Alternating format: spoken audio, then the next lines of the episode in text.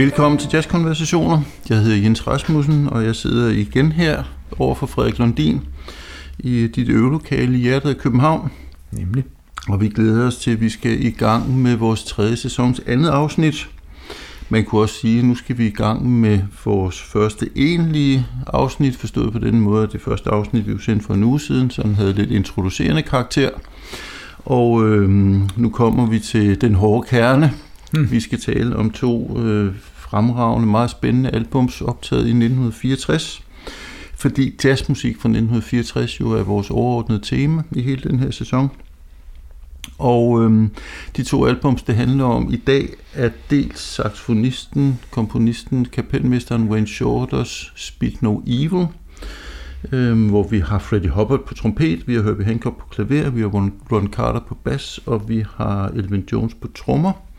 Og den anden album, det andet album, øh, er øh, den store, ikoniske, øh, allesteds nærværende, havde nær sagt, Miles mm. Davis, som øh, spillede en øh, meget musikalsk, meget, meget vellykket koncert i 1964, som i første omgang blev udgivet på to albums. Det ene, der hed My Funny Valentine, og der havde de primært samlet øh, sjælerne, balladerne, de lidt mm. langsomme numre. Og så var der et andet album, der hed For More, hvor de havde samlet de lidt hurtigere øh, numre, og øh, de blev udgivet på forskellige vis, og er i dag vist mest kendt under titlen The Complete Concert. Mm. Og der er mange musikere, der går igen. Vi har igen Herbie Hancock på klaver, vi har igen Ron Carter på bas, vi har ikke øh, Elvin Jones på trommer, men den øh, pure unge, meget, meget talentfulde Tony Williams. Mm. Og øh, så har vi ikke Wayne Shorter på tenor i Miles Davis gruppe, fordi han var ikke kommet med endnu. Det gjorde han lidt senere. Vi har øh, George Coleman, og det vender vi alle sammen tilbage til om et øjeblik. Yes. Vil du, Frederik, sige lidt ord om øh, Wayne Shorter, hvad der gik forud for 1964, og knytte lidt flere ord til Speak No Evil måske? Det vil jeg rigtig gerne. Wayne Shorter er jo øh, en mastodont, og gudskelov endnu levende, om end ikke længere øh, udøvende sit instrument, øh, musiker og komponist i jazzen.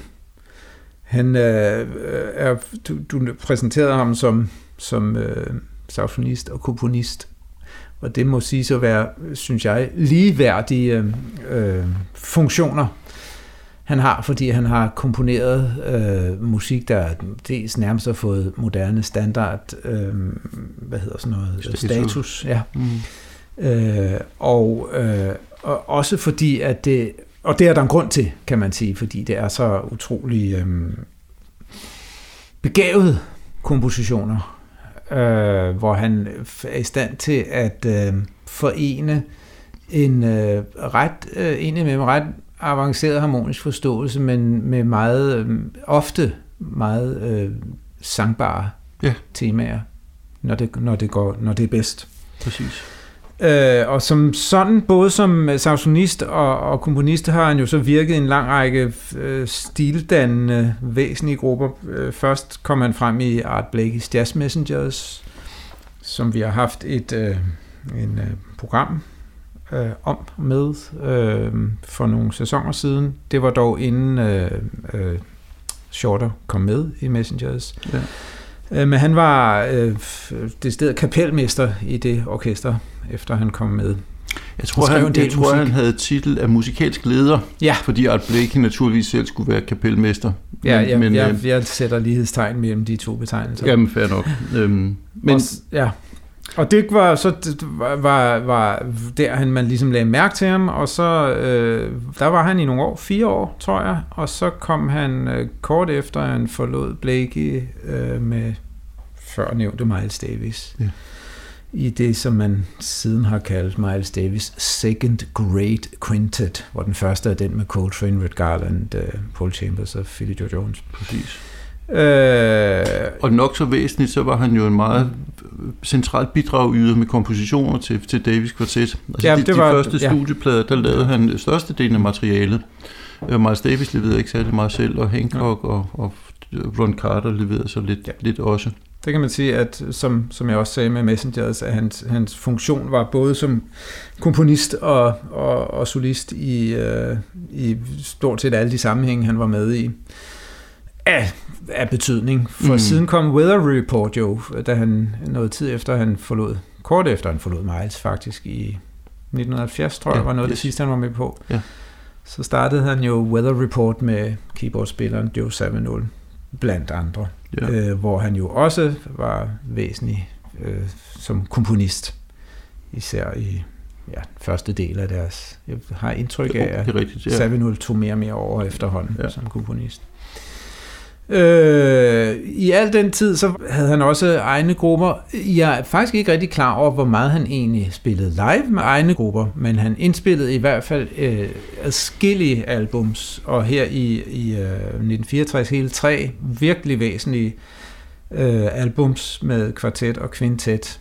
Nemlig øh, den første af dem, The Night Dreamer, den anden hed Juju. Den første var med, med trompetisten øh, øh, Lee Morgan, øh, som, som medspiller.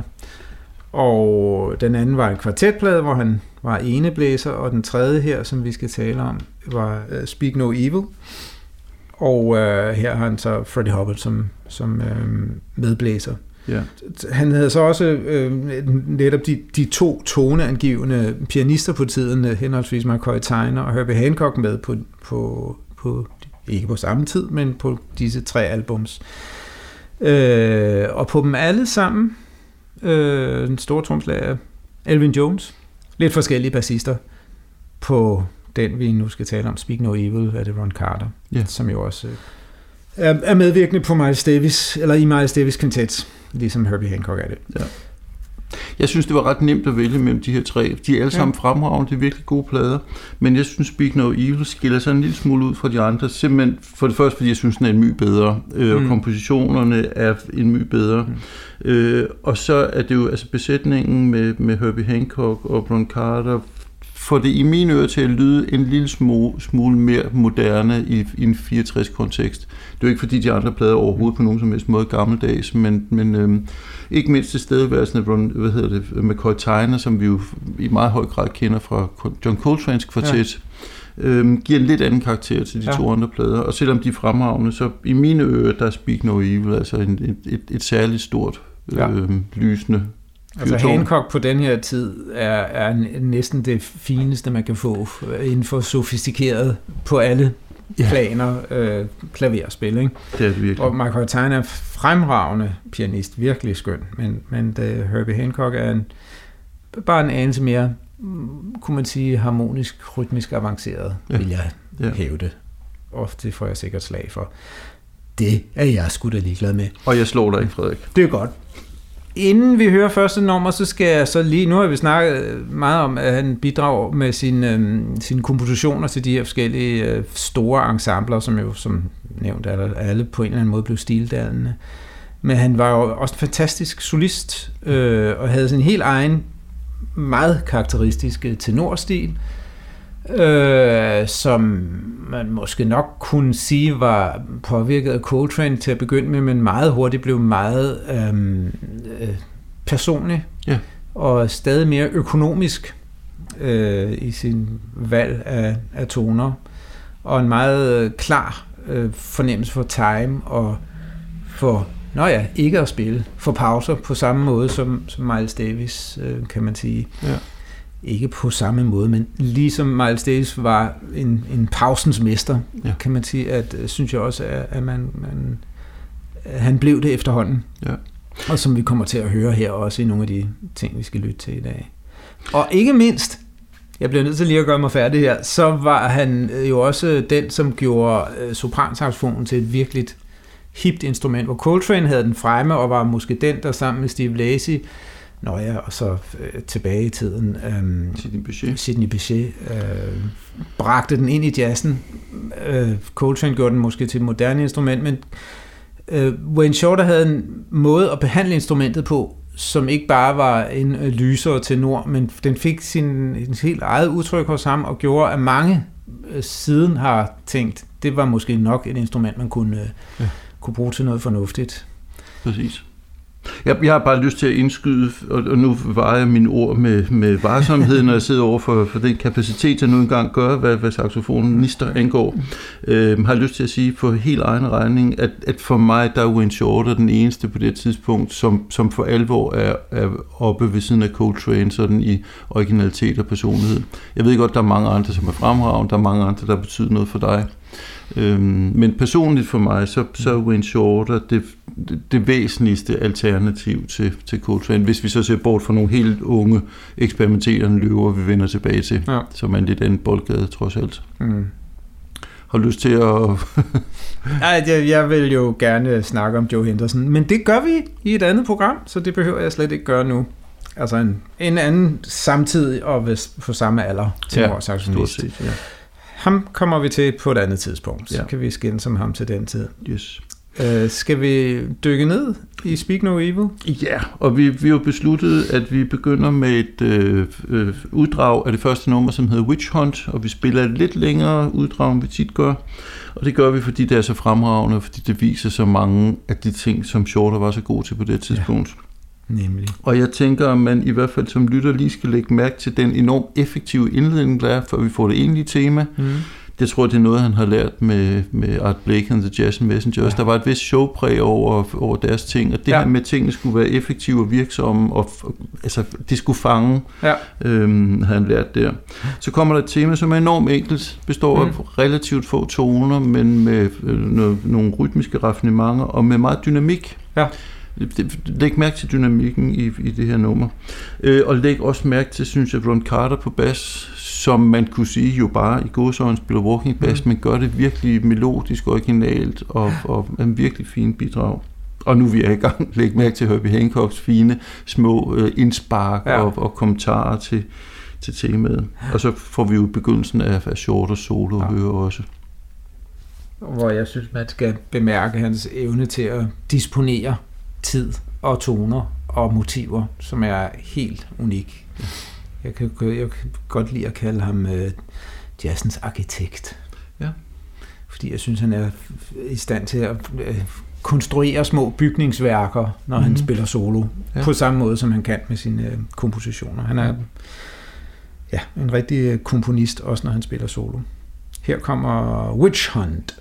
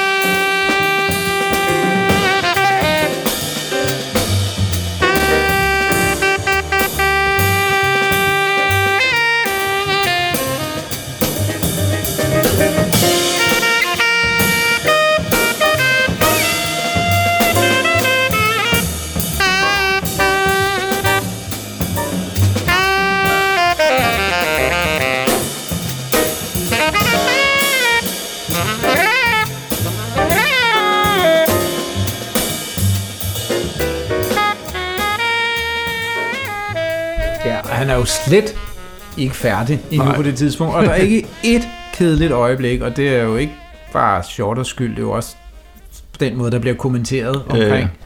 ham hele tiden. Ikke? Det, er, det er et fælles projekt, det her. Ja. Det er ikke som, da vi...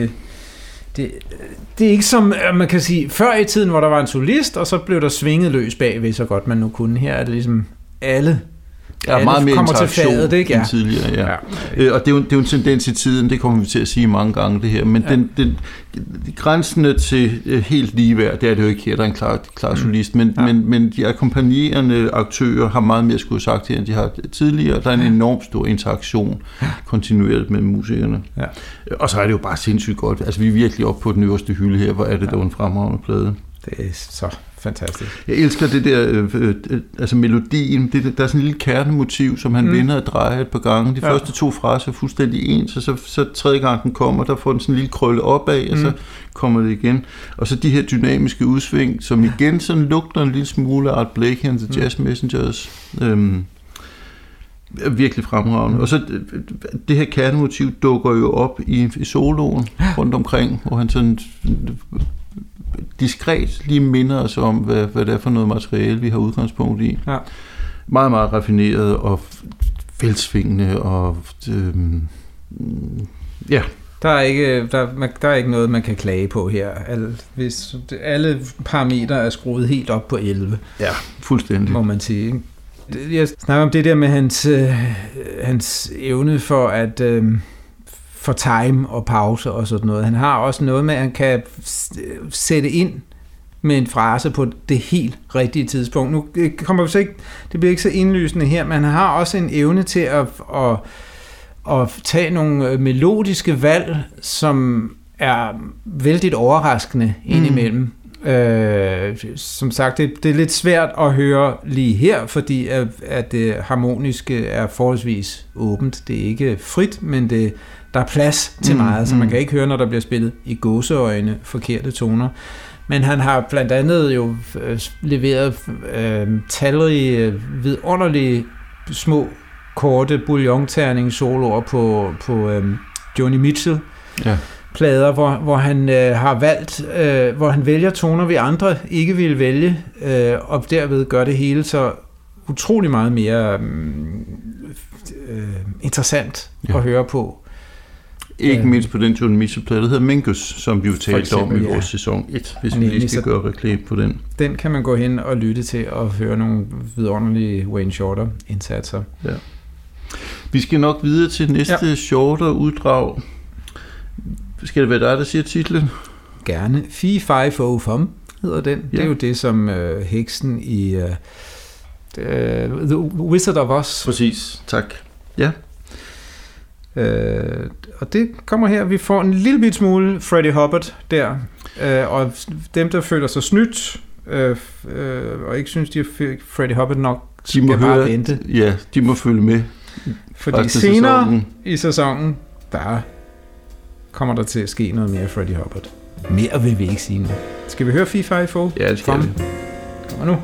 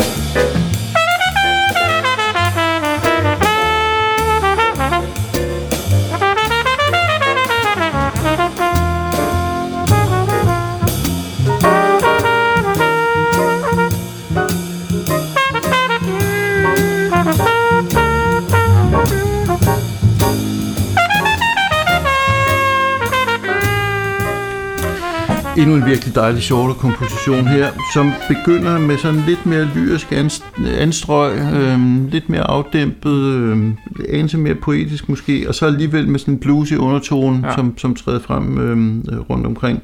Igen en, en ret enkel, men enorm original melodi, ja. som bare er virkelig, virkelig godt skruet sammen. Og så får vi jo altså en, en uh, smertelig lille stump af Freddie Hubbard, så vi lige sådan kan fornemme, hvilket, hvilket krydderi det er, han bringer til retten. Mm. Og øhm, jeg synes, han er virkelig vel, velvalgt som uh, trompetist på den her plade. Ja.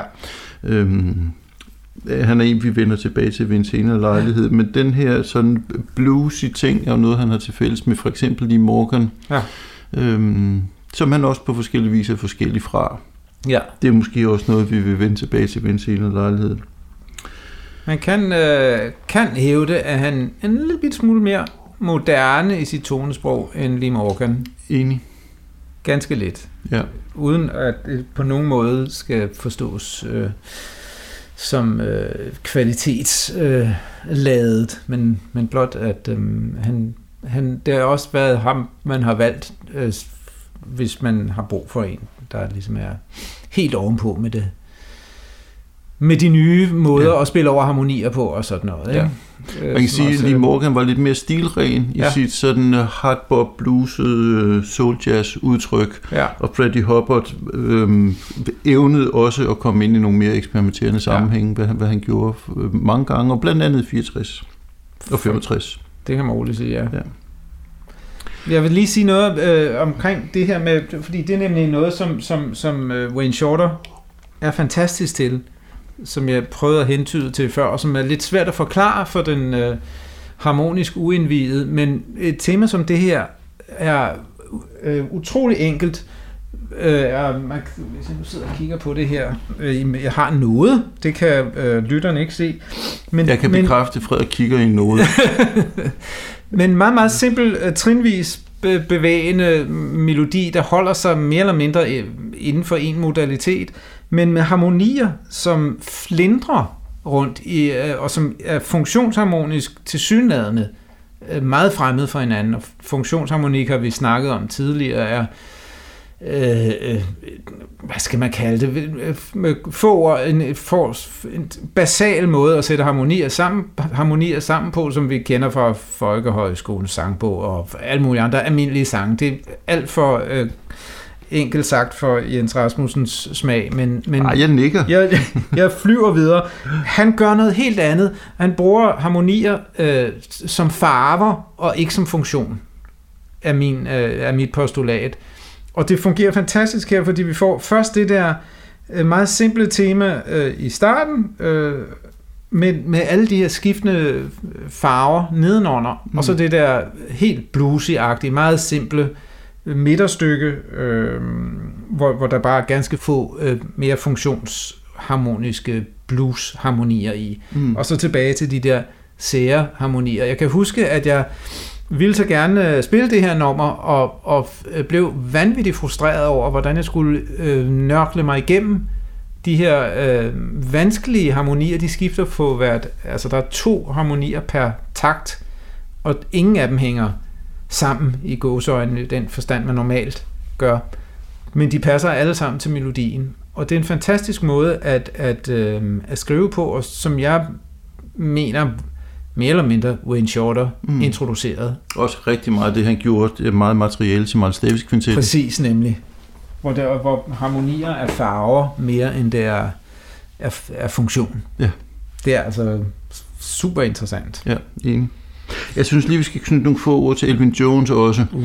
Øh, fordi jeg, altså jeg kan jo ikke lade være at, at synes, og nu siger jeg noget, jeg kommer til at fortryde, men jeg, jeg kan ikke lade være at synes, at han lyder lidt mere sådan konventionel end, end, end for eksempel Tony Williams. Men det er jo fuldstændig urimelig anklage, mm. fordi den, det Tony Williams gjorde i 64, 65, 66 var så, så nyt og anderledes og radikalt. Ja. Og Elvin Jones var altså også virkelig fremme på beatet ja. med at udvikle trommespillet. Det må man sige. Øhm, og var en virkelig øh, stilren tromslager inden, inden for den, den, den genre, som han nu engang øh, udfoldede sig i. Mm. Meget detaljerig, øh, ja. mange små nuancer. Og mange øh, ganske ofte flere rytmiske lag kørende Ja, i sit spil. på, ting, ja, ikke? ja. Meget, øh, som, som gjorde, at det var det er et meget øh, bredt tæppe, han lagde ud under, under solisterne. Der var enormt meget plads at spille i, og Ja. ja. mange øh, rytmiske mønstre, man kunne vælge at logge ind med. Ikke bare et beat, som var hi-hatten og, og, Mm. og, og right-bækkenet, om man så må sige. Der foregik rigtig mange forskellige ting. Ja. Og hele tiden var han jo over solisterne og skubber dem til dem og kommenterer og gør ved. Ja. Det er rigtig Yes. fantastisk tromslager. Nå, Wayne Shorter, han kunne også noget med de langsomme tempi og Det- ballader altså. og, og det smukke og det inderlige udtryk, og det skal vi høre som sidste øh, eksempel her. Ja. Han øh, har skrevet en øh, meget, meget smuk ballade, der hedder Infant Eyes, som øh, øh, blandt andre, som mange har indspillet øh, siden. Blandt andre Stan Getz, der findes en, en vidunder smuk udgave af den fra en liveoptagelse øh, fra, igen, Montmartre i København. Denne gang den version, der lå i Nørregade, som er varmt anbefalesværdig fra, det må have været en gang i 80'erne, gætter jeg på. Joan Brakin, Niels Inger Ørsted Pedersen og Billy Hart. Øh, Jeg nævner det, fordi at øh, man, øh, når man lytter til øh, øh, Wayne Shorter spille ballader, kan man høre et i hvert fald klangligt, synes jeg, tydeligt øh, slægtskab med, med Stan Getz. Mm. Øhm, ikke at øh, Wayne Shorter har sin klang fra Stan Getz, men, men der er noget fælles der Ja. i, i den måde, de, de blæser i luren på. Ja. Samtidig med, at de, altså, de var jo nogle musikalsk nogle relativt forskellige steder på det her tidspunkt, Det men, men jeg er fuldstændig enig med Ja. den her klanglige... Øhm, der, måske der sådan lidt mere skrøbelighed og lidt flere sådan små kanter og, og, og, og ting og sager i Wayne Shorters klang. Det er i hvert fald mere kantet. Ja. Det kan man jo ikke beskylde Stan Getz for at være Ej, han er, han er generelt blødere og rundere og, Ja. og, og øhm, glattere, måske Ja. ja. lige frem. smægtende. Mere- Smægtende. Ja. Det kan man ikke beskylde. af- Nej, det kan man ikke beskylde. Shorter for at være. Nej, bestemt ikke. Men øh, vi lader lytteren selv bedømme. Vi får et lille smule, fordi vi jo øh, ikke...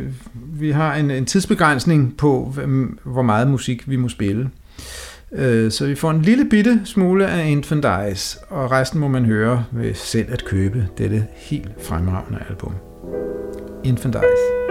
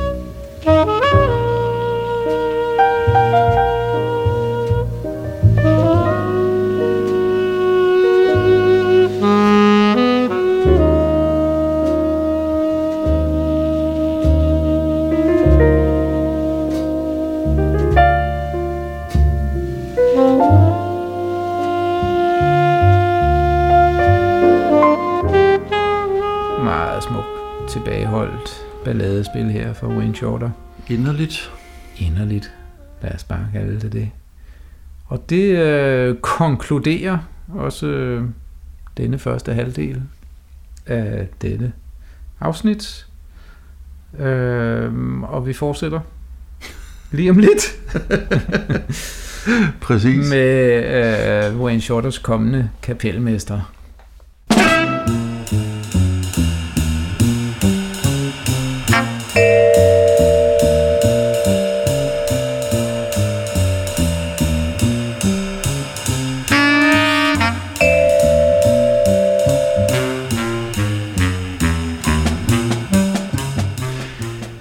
Og øh, andet album er jo altså Miles Davis udgivelsen The Complete Concert, øh, optaget i 64 naturligvis.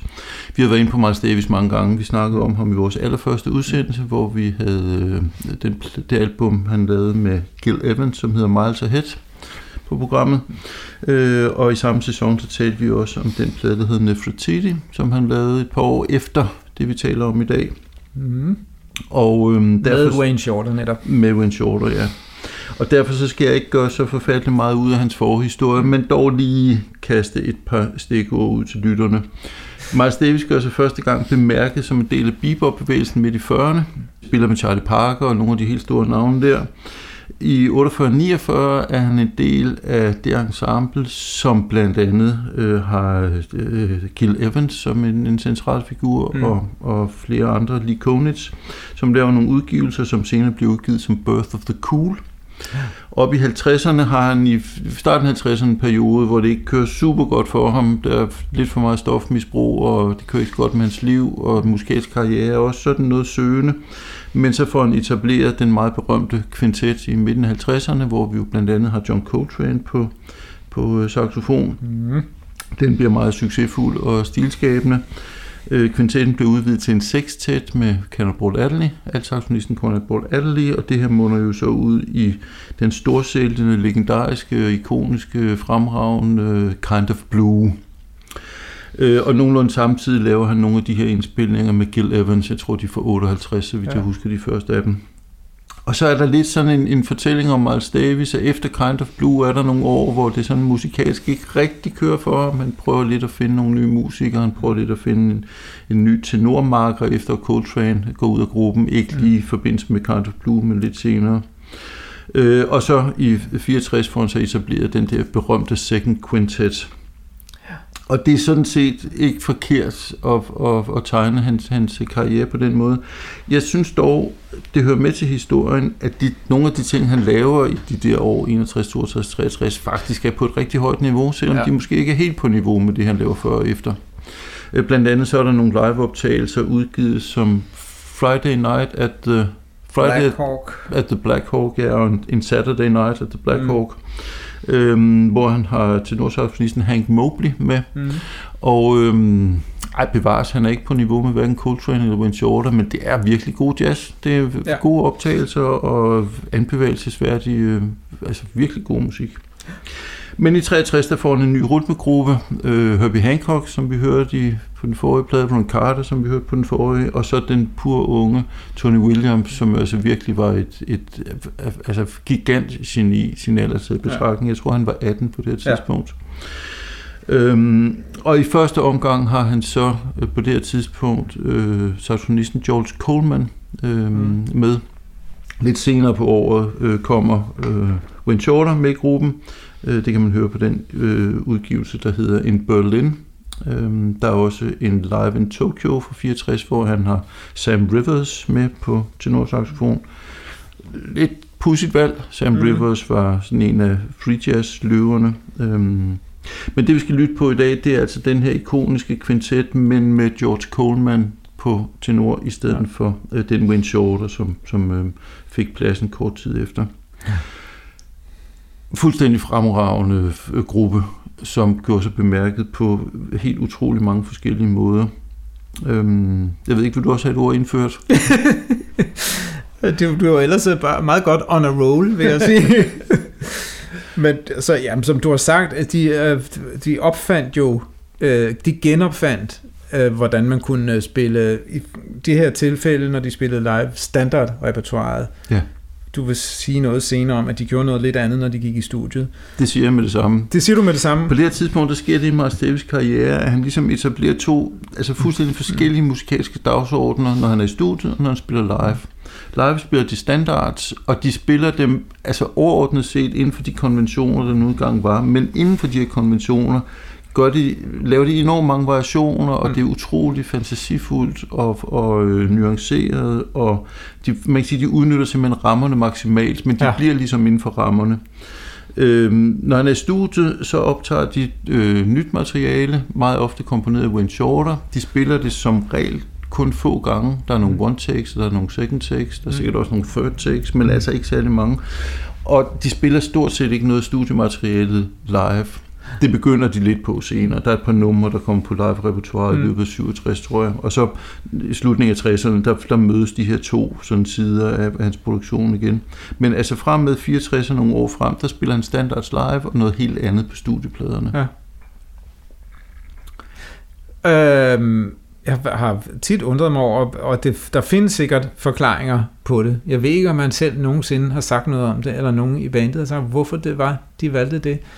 Men hvis jeg skal gætte, øh, så vil jeg sige, at øh, de, øh, forskellen på at være live med publikum på, og så at være i studiet, hvor man har arbejdsro, de to situationer er vidt forskellige. Og jeg personligt kunne godt forestille mig, at jeg vil også kunne finde på at vælge øh, den frihed, det giver at spille standardmaterialet, som er jo øh, så indgroet en del af, af, af alle de musikers DNA. De kender det så utrolig godt, så, så at øh, øh, deres frihed måske inden for det materiale er større mm. i virkeligheden, altså til at skabe i nuet, end kompositioner, som er forholdsvis nye. Og det er jo ikke sådan, at de brugte dagevis på at øve sig, inden mm. de skulle på tur. Det var der jo virkelig ikke tid til. Det var ikke noget, man brugte. Og der, der kunne man sige, hvis de havde brugt tid på at øve det nye materiale, så var det jo nok kommet med. Men det er sådan noget, man har opdaget senere. Det er måske sådan, man skal gøre for ja. at få nyt sprog ind i et, i et band. Ikke? Ja. Så, jeg, så måske var det en, er, er det grunden til det? Jeg, jeg, jeg er helt sikker på, at det er en del af grunden. Jeg tror også, der er en anden grund, som er, at Miles Davis på det her tidspunkt bliver meget opmærksom på forskellen mellem at spille live, som jo principielt set er noget her og nu, og mm. kun her og nu, og det at lave album, som er noget, folk hører igen og igen og igen. Jamen, ja. Det er simpelthen to forskellige medier. Og det, vi har med at gøre i dag, er jo så en liveoptagelse, som mm. er lidt sådan en bastard mellem de der to ting. Det er det jo. men, men altså, det er et album af et kunstværk i sig selv, som folk hører mange gange, og er live er noget, der sker her og nu. Mm. Det, det, det blev han meget opmærksom på, og det kom til at præge hans karriere ja. øh, efterfølgende også. Mm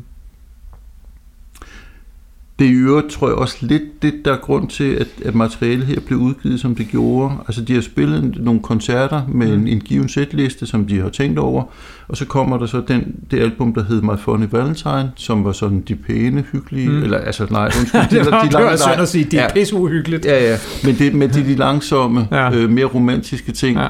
og et andet album, som hed For More øhm, som, okay. som er hurtigt optempo-numre ja. og, og mere energifyldt. Og det, altså det er simpelthen to album, det er to pladeprodukter, som er lavet med hver deres karakteristika, ja.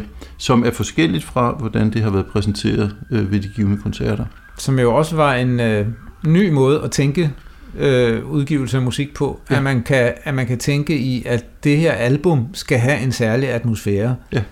Øh, og især fordi det var et livealbum med musik øh, kreeret i nuet, så det var ikke noget, de ligesom kunne øh, forberede. Sådan ønsker vi at spille, så det kan udgives på den måde. De har ligesom plukket, de har ikke, numrene er ikke på pladerne i den rækkefølge, de blev spillet. Nej. De har simpelthen valgt at sammensætte et, ja, netop romantisk album og et gang i den album. Ja. Og så er det så i øvrigt senere blevet udgivet øh, i, i sådan... Ja, i sæt rækkefølge, ja, ja. præcis, ja. Og det synes alle vi, som er vokset op med de to øh, vinylalbum, jo er helt forkert. Det kan ja. kun være på den her måde, synes jeg. Med mindre man så hælder til det argument, at det er mere autentisk. Det kan man sagtens udfordre, men det vil der sikkert være nogen, der synes. helt irrelevant. Øhm, men i øvrigt så er det her ting, som ligesom er karakteristisk for tiden. Altså vi, i den tidligere udsendelse, der nævnte vi uh, John Coltrane's Love Supreme, ja. som jo næsten sådan har karakter af et, et konceptalbum, ja. øhm, som noget nyt på ja. jazzens historie på det tidspunkt. Så forskel for mig spillede de så til gengæld den live. Ja, om end kun få gange, så ja, jeg ved. Ja. Ja. Nå Frederik, nu er vi jo nået til det tidspunkt, hvor vi plejer at sige, nu skal vi høre det første stykke, øh, det første uddrag, men ja. vi tror nok, vi er nødt til lige at tale lidt mere. og det er fordi, at vi har valgt et forholdsvis langt uddrag fra et nummer, nemlig det, der hedder Stella by Starlight, og det er fordi, vi kan simpelthen ikke få over vores hjerter og klippe i det her, mm. og der, der er en, en helhed, en sammenhæng i, i det lidt lange uddrag, vi vil spille som, som vi synes er væsentlig. Ja. Så derfor så vil vi lige indledningsvis sætte lidt ord på, hvad det er, vi synes er så bemærkelsesværdigt. Øhm, jeg ved ikke, vil du lægge ud? Øh,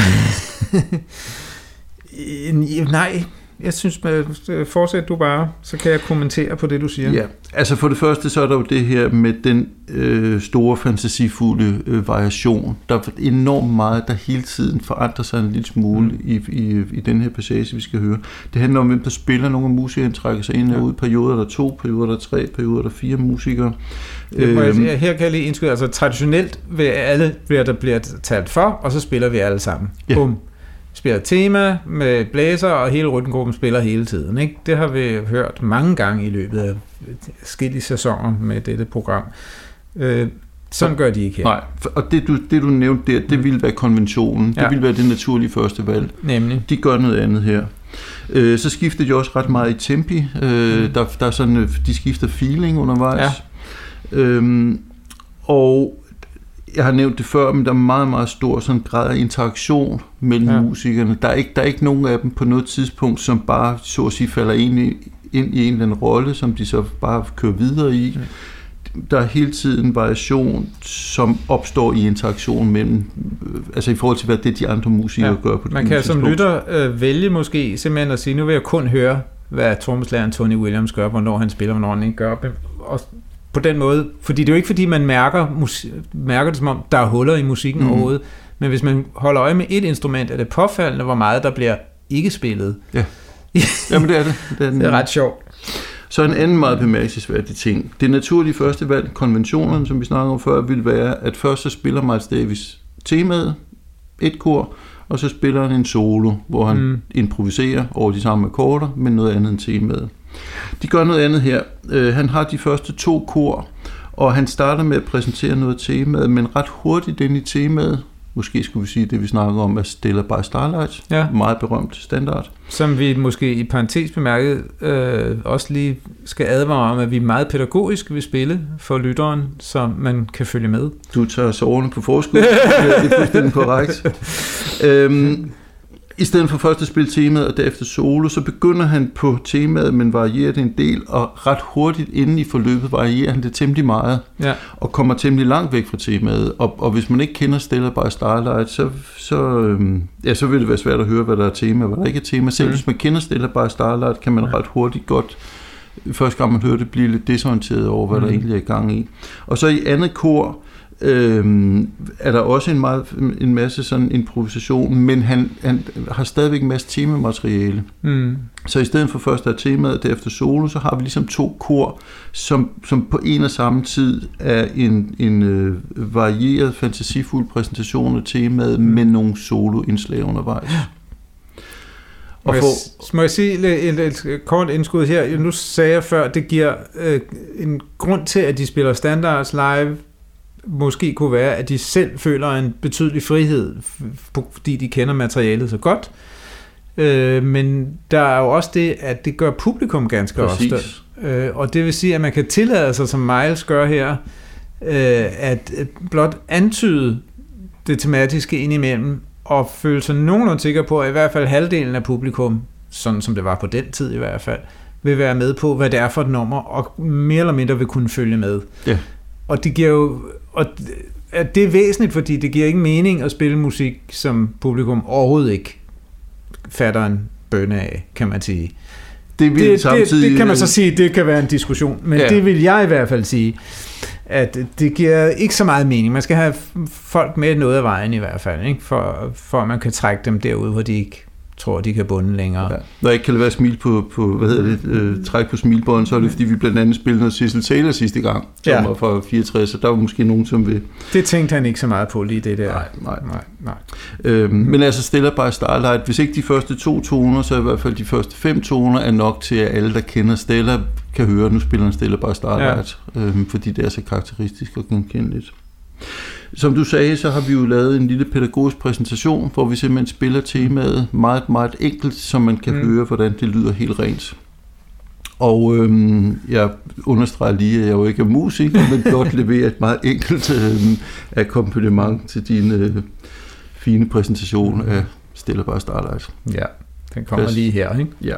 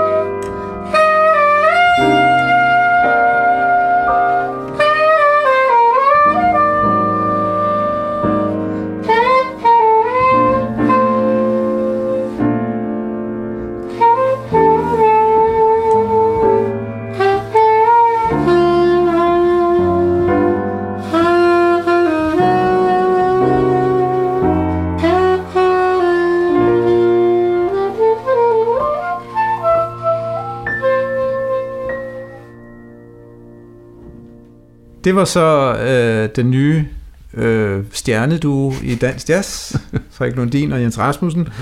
Øh, og nu overgår vi til øh, nogle gamle nogen fra Amerika. Tilbage Miles Davis til 1964. Quintet tilbage i 1964, som forsøger at gøre det lige så godt. Vi skal høre øh, Stella by Starlight med Miles Davis kvintetten.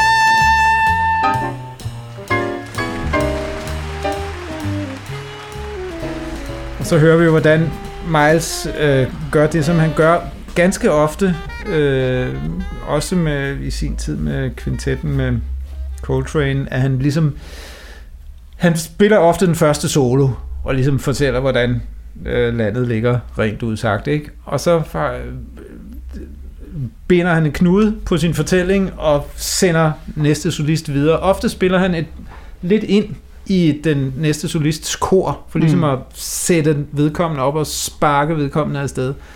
Lige den her formel har man hørt ja. ham gøre mange og gange. Og ret det, højt energiniveau. Ja. Altså, der er ret meget power i slutningen af solo, når han giver stafetten videre, som Nemlig, du siger. Det virker fantastisk godt. Og det er også et eksempel på, hvordan de hele tiden alle sammen, øh, i, øh, jævnfør det du sagde i starten med, at de går ind og ud og spiller, og, øh, og holder op med at spille øh, på skift, at de øh, jo gør det på ikke ligesom som man typisk ville gøre med jeg spiller otte takter, så stopper jeg. Mm. Fordi nu har jeg spillet det, vi kalder en periode. Øh, men man gør det ligesom, starter lidt inde i en otte periode og forsvinder lidt før den er forbi, eller lidt inde i den næste ja, otte periode, at de ligesom bryder de der øh, vandtætte skodder, der ellers har været mellem perioderne op og, og, og breder hele fornemmelsen ud, som, som man også, når, hvis man ikke holder nøje øje undervejs, når man lytter her, så kan man godt blive lidt forvirret over, hvor, hvor, hvor vi egentlig nået ja. til. Øh, altså fordi så, perioden er der jo stadigvæk de det er de nemlig, ja. af harmoniskemaet. Ja. Men... Det bliver bare slet ikke markeret på den Nej, måde, som præcis. man er vant til. Ikke?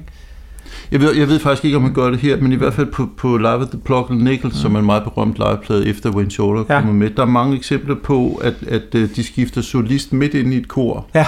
Altså i stedet for, at man spiller et eller to eller tre mm. kor hver, så får den næste solist den næste kor, så skifter man undervejs. Ja. Øhm. Ja, det er rigtigt. Og det er helt tydeligt, at det er noget, de har arbejder rimelig bevidst ja. med, det der ja. med at, at bryde de det, som øh, bliver markeret med dobbelte takstreger i noderne, ikke? altså de der... Øh, og også altså deres melodiske og harmoniske frihed er jo, er jo også er lige så stor, ikke? Ja, hvor de forholder sig til den, den oprindelige sang hele tiden, men de trækker og hiver i den så meget, de overhovedet kan. Ja, præcis.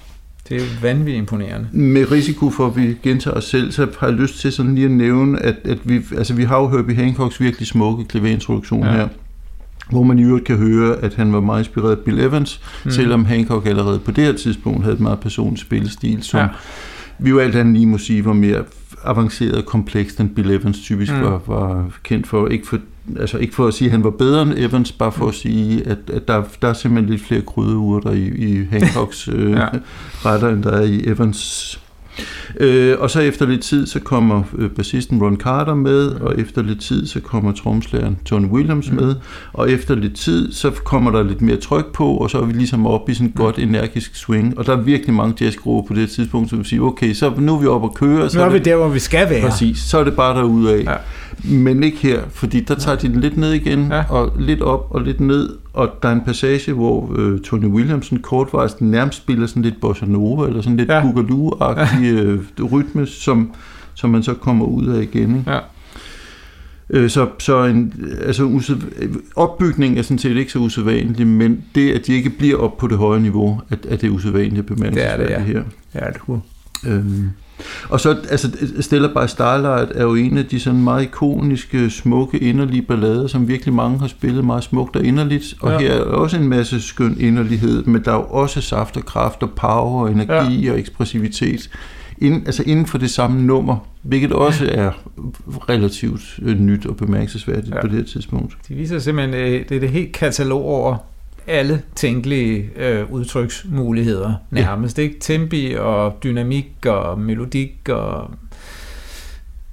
Sagde jeg dynamik? Det tror jeg, jeg gjorde, ja. Det er en gang mere, ja. Men det er øh, alt sammen inden for bare én en del af nummeret, ikke? nemlig ja. der, hvor Miles Davis er i front. Præcis. Så bliver det, at vi kan røbe, at der sker også vældig meget under George Coleman solo ikke, han styrer ikke på samme måde. Jeg har, når jeg lytter til det, har jeg en fornemmelse af, at det er meget rytmegruppen, der styrer, ja. og han følger med. Ja. Hvor, det, hvor det modsat, når det er Miles, der har bestemmer, så bestemmer han. Ja. Det er meget tydeligt. Altså forlængelse af det, jeg sagde Hank, om Hank Mobley indledningsvis. Altså George Coleman har ry for at være sådan en af de lidt mindre storslåede de saxofonister, øh, Davis havde med, og det er også rigtigt. Men han var også virkelig god. Altså, jeg kunne fandme spille saxofon. Ja, for fanden. Altså, og de, ja. de næstbedste saxofonister, Davis spillede med, de var altså virkelig, virkelig gode. Ja, øhm, det, det, synes jeg er vigtigt. Jeg, jeg, jeg, kan, man kan sige, at han er en slags øh, øh sådan en øh, sorbeten i menuen, ikke? At, at man, når, når George Cole kommer til, så kan man slappe lidt af. Mm. Det bliver ikke så intenst og, og demanding, ja, krævende rigtigt. at lytte til, fordi han svinger sgu bare derude af og spiller fint sine linjer og dejlig lyd, og, og der er ikke fare på færre Nej. på nogen måde. Øh, og så kommer ofte så kommer Herbie Hancock og spiller solo efter ham, og så sker der også de mest vanvittige ting, når den trio får lov at være alene. Præcis. Øh, så, så han er ligesom øh, der, hvor vi lige får lov at skylle munden, inden næste kajeret kommer på bordet. Ikke? ja, det synes jeg... Godt billede. Ja, men det, han, han havde den funktion, og derfor er denne her kvintet er, er fantastisk i sin egen ret. Den er bare anderledes end de andre. Ja. Efter Wayne Shorter kom med, ikke, så var det fuld øh, blues på krydderierne hele vejen. Ja, jeg er fuldstændig enig. Ja. Vi skal høre mere fra det her. Vi skal høre mere fra det her album. Vi skal høre øh, noget så fra den øh, del af koncerten, som så blev udgivet som, som de albummet med de sådan, øh, friskere numre, hvor der var mere knald på. Og, og vi skal høre øh, et nummer, som det største delen af det, øh, menneskeheden kender, nemlig et nummer fra albumet Kind of Blue, som du nævnte i, i introduktionen til Miles Davis her. Det, det nummer, der hedder So What, men de gør jo noget helt andet. Ja, altså for det første så spiller de den betydeligt hurtigere, og de spiller den, altså i ordets mest positive forstand, betydeligt mindre elegant. øhm, og når vi har valgt at tage den med, så er det dels for at vise den meget store forskel, der er på ja. Kind of Blue-udgaven, som vi tror mange af vores lyttere har hørt, ja. sandsynligvis mange gange. Øh, og så den udgave, der, der er live her. Øh, men også for at vise noget andet, nemlig noget, som peger meget frem mod, hvad Davis gjorde utrolig meget senere i sin karriere, slutningen af 60'erne og frem Nemlig, at han, altså når man skal i gang med et, et live-forløb, så skal der ikke have, der skal ikke være så mange ingredienser. Altså man er enig om tonart, man er enig om et tempo, og så er det meget godt at have en, en eller anden lille ting, man tager afsæt i. Mm. Senere i hans karriere, der kan det være sådan nogle helt små, sådan signalagtige temaer, som ja. i sig selv næsten ikke er en melodi, men bare er sådan nogle små motiver. Øh, og det de gør her, det er altså, at de spiller øh, det meget enkle temamateriale, hvad man skulle sige, der er i So What, men ret mm. hurtigt, en lille smule mm. tjusket. Øh, man kan også bemærke, at Miles Davis næsten ikke kan vente han går næsten i gang med soloen, før, før ja. de andre er færdige med temaet. Og så ellers, ud over stepperne, fuld knald og bare ja. trykke den af. Så det er bare sådan en lille, der er lige nogle ting, man skal være enige om, og så ja. skal man lige i gang, og så er det bare ud over stepperne for ja. fuld hammer. Skal vi høre, hvordan det lyder? Det gør vi. For en lidt mindre bid af det.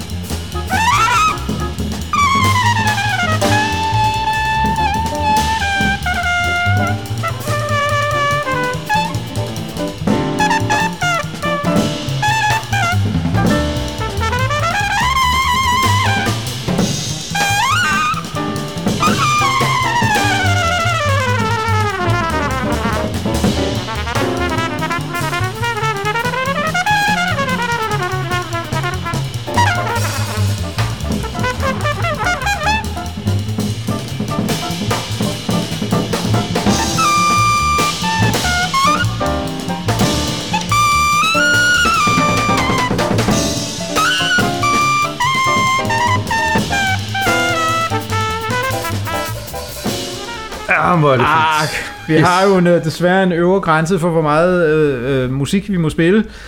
Øh, men øh, vi regner med, at det her lille bitte stykke vil få øh, lytteren til at løbe hen til øh, vinylreolen og hive den gamle vinylversion af denne fantastiske udgivelse frem og høre hele nummeret, hvor vi hører, øh, altså, man, det er næsten, det, man kan ikke rigtig øh, fremhæve nogen på andres bekostning, men, men øh, det er da værd igen at sige, Tony Williams øh, er fantastisk, fordi han, han fandt på alt muligt øh, måder at, at spille det der sæt på, øh, og man hører ligesom en fem, seks forskellige eksempler på ting, som er øh, super karakteristisk for ham. Rent sprogligt, kan man sige. Den måde, han, han kaster fills ind på, igen, øh, ikke øh, som en, en typisk trommeslager vil gøre med vente til, at der var gået fire takter, og så siger, "Ba, ba, da, ba, da, ba, da, ba, bum, øh, ind på et på næste. Han, han filler alle mulige steder, og er hele tiden i hælene på, på Miles, Mm. som altså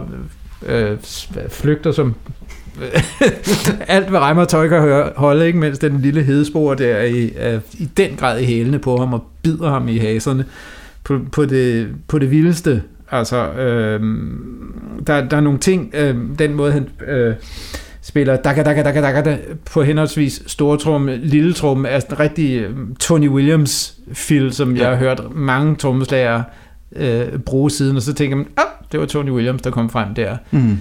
Og evnen til ligesom at, at, at spille med fantastisk swing, det røvsvinger, samtidig med at det er enormt øhm, elastisk, og man har en fornemmelse af, at han ville kunne gå op og ned i tempo, hvilket det øvrigt også gør Ja. rigtig meget, ikke?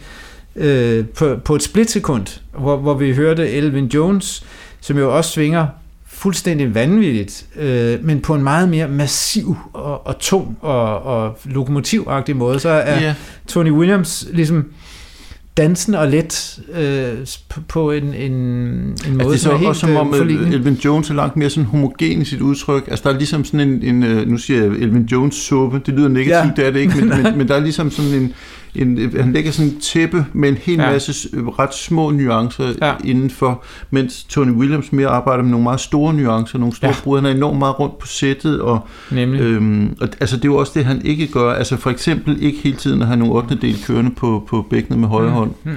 Øhm, ikke at Elvin Jones altid gør det, Nej. men, men øhm, enormt mange nuancer, variationer, ja. øhm, overraskelser. Ja. En ekstrem fantasifuld Nu lagde jeg ikke lige mærke til det. tidspunkt.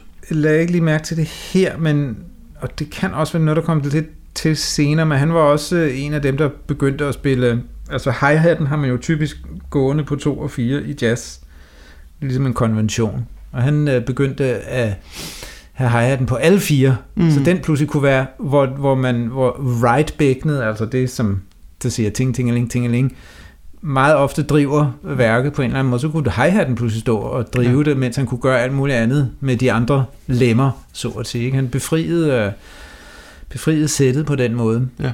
På det, på det vildeste. Det er næsten ærgerligt, at vi ikke hører det der med, at de, hvor, de der måder, de kunne finde på at gå op og ned i tempo på også. Det, men det, det og det gør være de andre steder på, øhm, Ja. på, det, på, ved den her koncert, som er virkelig sjov.